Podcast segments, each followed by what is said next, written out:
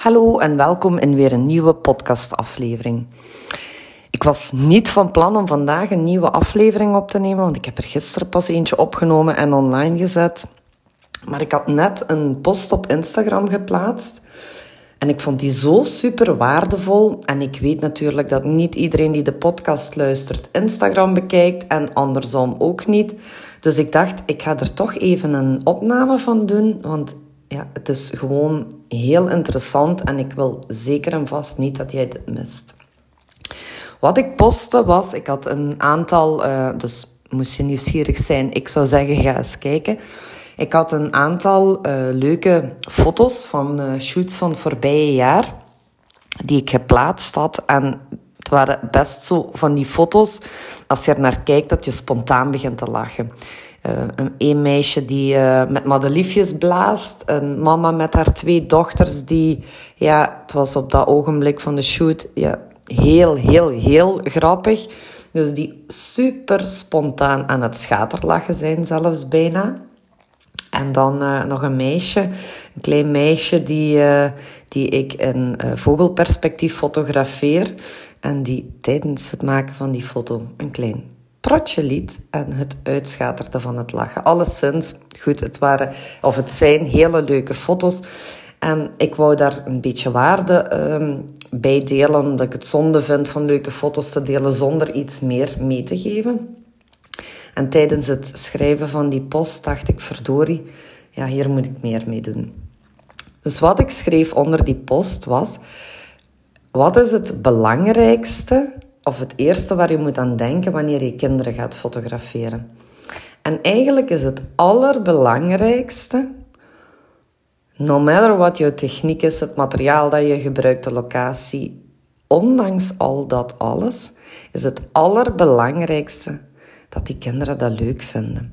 Want als de kinderen het niet leuk vinden, dan ga je nooit, nooit, nooit een goed resultaat, een goed, een fantastisch resultaat hebben. Misschien wel een goed, maar niet dat resultaat waar die mama, waar wij als we die foto van zien spontaan beginnen te lachen, maar zeker die mama en die papa, die, ja, die vinden dat geweldig. Dat zijn, dan, dan, hoor ik altijd die ouders zeggen als ik die foto's oplever, oh, dat is echt zoals ze zijn. Maar dat kan je maar op één manier bereiken. Dat is wanneer het kind het ook echt, echt leuk vindt. Dus ik deelde daar een korte tip wat je kan doen bij aanvang van jouw shoot om het leuk te maken voor die kinderen. Want wat hoor ik heel vaak voor ik begin? Die ouders zeggen: Ja, je weet het, hè? als je flink bent, dan gaan we een ijsje eten. Of dan krijg je die auto. Of dan uh, mag je iets uitkiezen in de winkel. Ze zijn op voorhand vaak al omgekocht. En oké, hier kunnen we een hele discussie over aangaan of dit pedagogisch verantwoord is. Dat laat ik dan nog in het midden. Want eigenlijk kopen we onze kinderen om. Maar los van dat feit. Zorgt dat ervoor dat die ouders op voorhand eigenlijk al tegen die kinderen gezegd hebben. Nu ga je dadelijk iets moeten doen wat je niet leuk vindt en je gaat er heel erg je best voor moeten doen en dan krijg je een beloning. Dus nog voor, want vaak weten die kinderen helemaal niet wat er gaat gebeuren. Ze kunnen zich dat niet inbeelden wat dat is, een fotoshoot. Nog voordat jij enige schijn van kans maakt om het leuk en spontaan te maken, zijn die kinderen al gewaarschuwd. Pas op, hier gaat iets komen wat je niet leuk vindt. Tuurlijk is dat goed bedoeld van die ouders en die willen gewoon zorgen voor de beste resultaten, maar het is niet de allerslimste zet. Je zou zelfs dit op voorhand kunnen communiceren naar de mensen waar dat je een reportage aan verkoopt. Zou je kunnen doen. Of ze daar effectief rekening mee gaan houden, dat is een andere vraag. Want iedereen denkt, ja, maar ik ken mijn kind. Als ik dat niet op voorhand zeg, dan gaat het toch niet lukken. Dus in ieder geval, weet dat dit iets is wat heel vaak voorkomt. Dus die kinderen die staan daar al een beetje huiverachtig naar jou te kijken. Want hm, wat gaat die hier met mij doen? Wat gaat er komen? Want ik moet hier braaf zijn, want anders krijg ik geen cadeautje. Het eerste wat ik altijd doe, en dat is een hele goede tip. Probeer dat kind alleen mee te nemen. Daarmee bedoel ik niet laat die ouders achter en ga God weet waar foto's maken. Nee, wandel een eindje en praat met dat kind.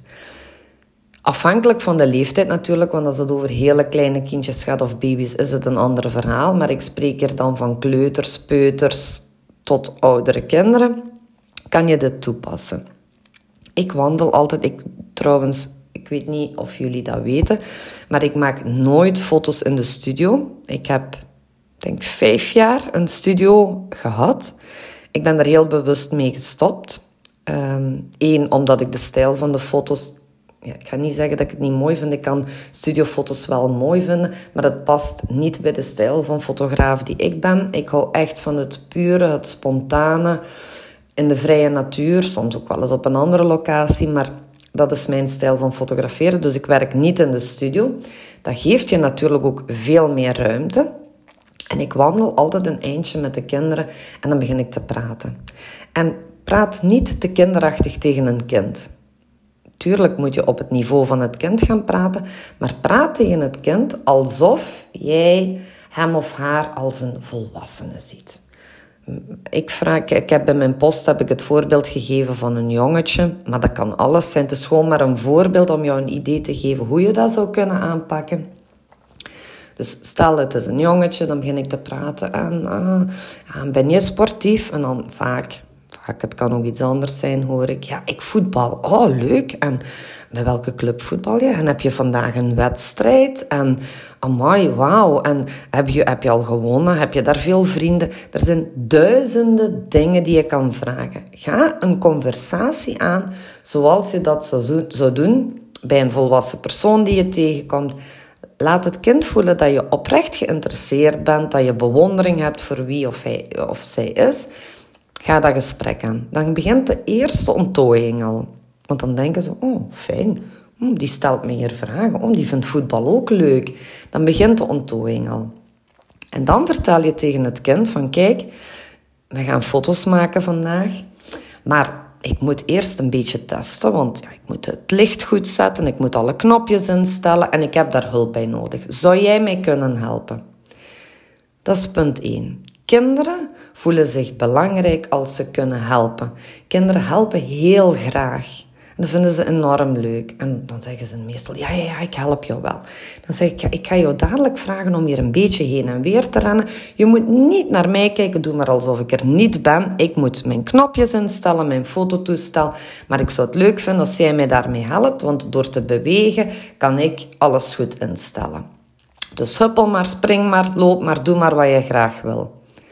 Dat kind gaat dat vervolgens sowieso doen.